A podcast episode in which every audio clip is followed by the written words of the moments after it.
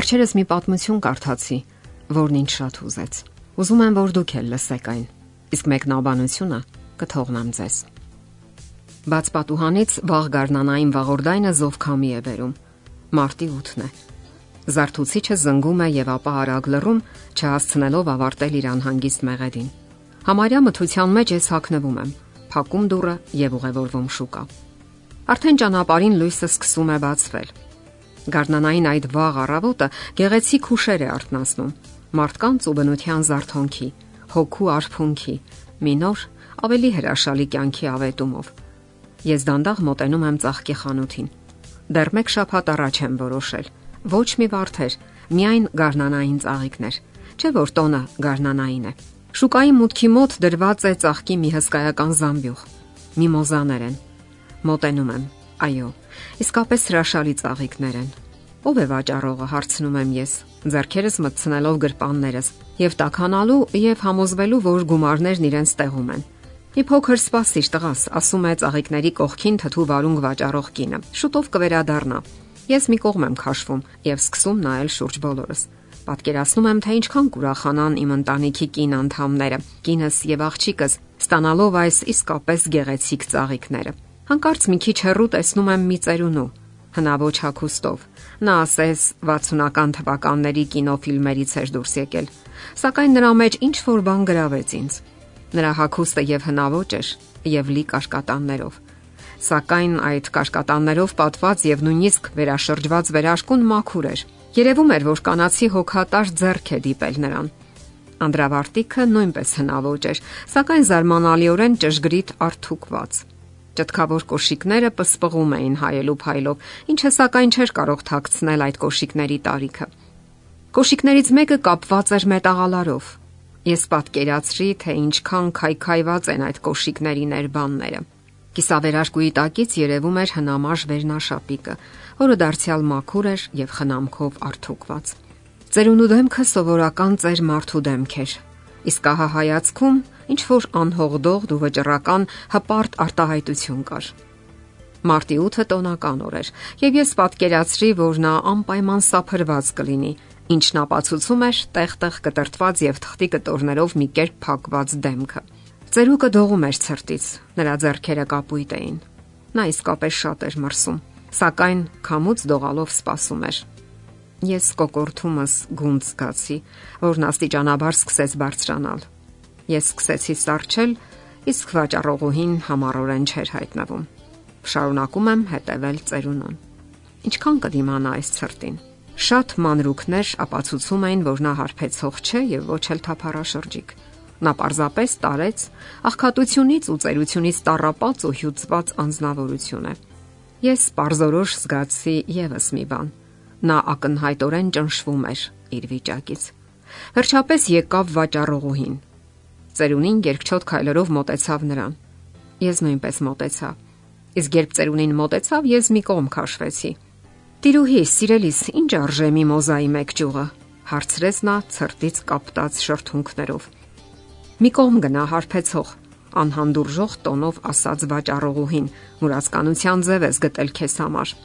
Տիրուհի, նորից ասաց ծերունին։ Ես հարբեցող չեմ եւ ընդհանրապես չեմ ել խմում։ Ինձ մեկ ճյուղ է հարկավոր։ Ինչ արժե միմոզայի մեկ ճյուղը։ Այդ պահին ես արցունքներ նկատեցի նրա աչքերի մեջ։ Լսիր ծերուկ, ես ժամանակ եւ տրամադրություն չունեմ քեզնով զբաղվելու։ Ինչ մի ծաղկի ժամանակ է հիմա հեռացիր։ Հարգելիս, դու ինձ ասա մեկ ծաղկի գինը եւ մի բղավիր ինձ վրա։ Դարձյալ հանդարտ ձայնով ասաց ծերունին։ Լավ, մի ճյուղն արժե 300 դրամ, հեգնական ասաց վաճառողը։ Ծերունին դանդաղ գրպանից հանեց 200 դրամ։ Ընդհանեն այսքանն է։ Միգուցե այսքանին մի ճուղ տակ։ Ես դեռ երբեք այդպիսի թախծոտ եւ տխուր աչքեր չէի տեսել իմ ամբողջ կյանքում։ Այնտեղ այնքան հուսահատություն կար։ Նա դողում էր ցրտից, սակայն շարունակում էր կանգնած մնալ, կարծես սпасելով ինչ-որ բանի։ Վաճառողուհին թեքվեց դեպի Զամբյուղը։ Նրա հատակից վերցրեց մի կոտրված ճյուղ եւ հեգնական տվեց ծերունուն։ Վերցրու քո ծերուկի համար, ասաց նա դեմքին ինձ արդեն նյարդայնացնող ծաղրական ժպիտը։ Ծերունին վերցրեց կոտրված ջուղը, փորձեց կպցնել այն եւ մի փոքր ինչ գեղեցիկ տեսք տալ, սակայն չստացվեց։ Ես կորցրի համբերությանս վերջին կաթիլները եւ համարյա բղավեցի վաճառողուհու վրա։ Լսիր, հարգանք ունեցիր տարեց մարդու հանդեպ։ Նա քեզանից ոչինչ չի խնդրում, գնում է։ Վաճառողուհին անսպասելիությունից մի տեսակ խեղճացած ինձ նայեց եւ ոչինչ չպատասխանեց։ Ես հարցրեցի ծաղիկների գինը։ Նա շփոթահար պատասխան տվեց։ Պապիկ, սպասիր, ասացի ես ծերունուն, որ ոչինչ չհասկանալով մեկին ձեր նայում մեկ վաճառողուհուն։ Ապա հանելով 5000 դրամանոցը տվեցի այն վաճառողուհուն։ Ես զգուշորեն վերցրեցի ծաղիկների զամբյուղը, ապա մեկնեցի այն դեռևս շփոթահար, արժանապատիվ եւ համեստ տարեց անznավորությունը։ Հայրիկ, ասացի, սա կնվիրեք ձեր կնոջը։ Արցունքները մեկիկ մեկիկ գլորվում էին ծերունու խորշոմապատ դեմքի վրայով։ Նրա լուր լացի մեջ ես բոլորիս անհայտ մի կյանքի ողբերգություն էի կարդում։ Միգուցե արժանապատվությունը թույլ չէր տալիս ընդունել նվերը։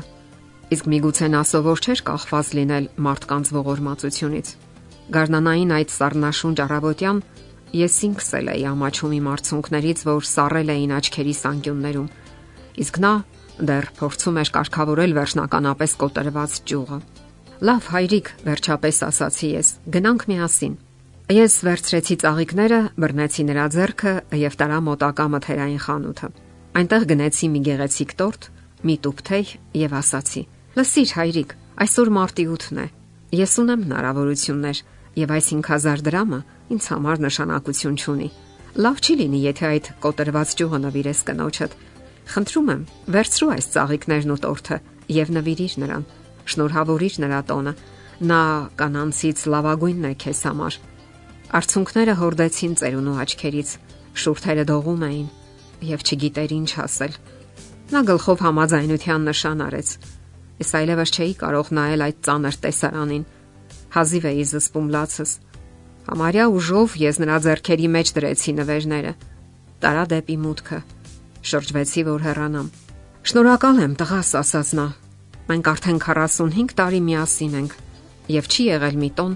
որ նրան ոչինչ չնվիրեմ։ Այսօր նա հիվանդ է եւ ես չէի կարող առանց նվերի թողնել նրան։ Շնորհակալ եմ։ Ես արագ դուրս եկա։ Քայլեցի, ինքս էլ չգիտեմ թե ուր։ Ճանապարհին միայն հիշեցի, որ դեռ չեմ գնել իմ նվերը։ Եթերում է ընտանիք հաղորդաշարը։ Ձեզ հետ է Գեղեցիկ Մարտիրոսյանը։ Հարցերի եւ առաջարկությունների դեպքում զանգահարեք 094 08 2093 հեռախոսահամարով։ Հետևեք մեզ hopmedia.am հասցեով։